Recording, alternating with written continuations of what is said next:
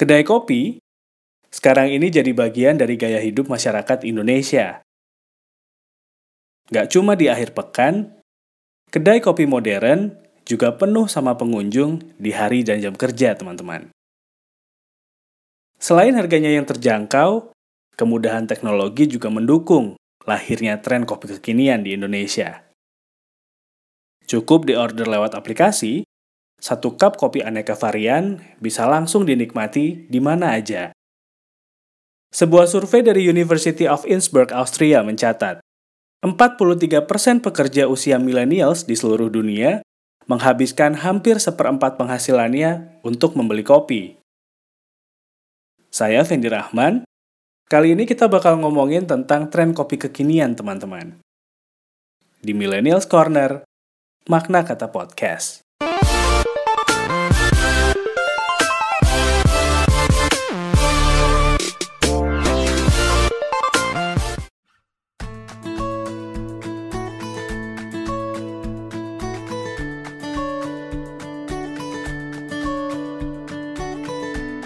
Kalau dulu penikmat kopi kebanyakan bapak-bapak dan orang tua, sekarang kopi bisa diminum sama siapa aja.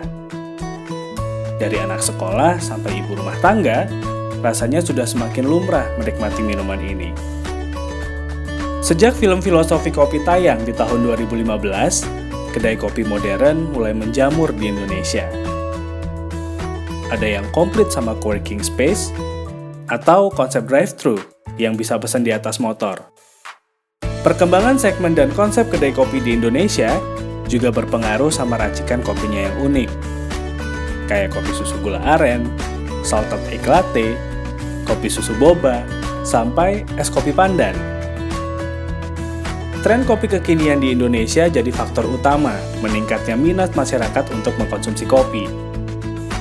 Yang awalnya ngikutin tren, akhirnya jadi suka kopi beneran bahkan punya kedai langganan. Kreativitas juga bisa terpacu sama suasana yang nyaman di kedai kopi, teman-teman. Banyak rapat penting, deadline, dan ide-ide baru yang lahir dari sebuah kedai kopi.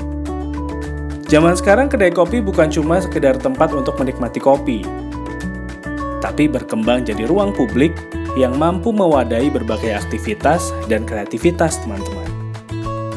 Sajian kopi yang unik dan suasana kedainya yang nyaman jadi kombinasi sempurna yang bikin tempat ini jadi candu untuk para penikmatnya. Jadi, kalau kamu gimana? Suka ngopi di warung kopi tradisional atau di kedai modern? Kalau kamu punya ide, saran atau kritik, bisa DM saya via Instagram atau Twitter di @vendirahman atau kirim emailnya di vendirahman@gmail.com. Terima kasih sudah mendengarkan makna kata podcast. Saya pamit. Ketemu lagi minggu depan ya, teman-teman.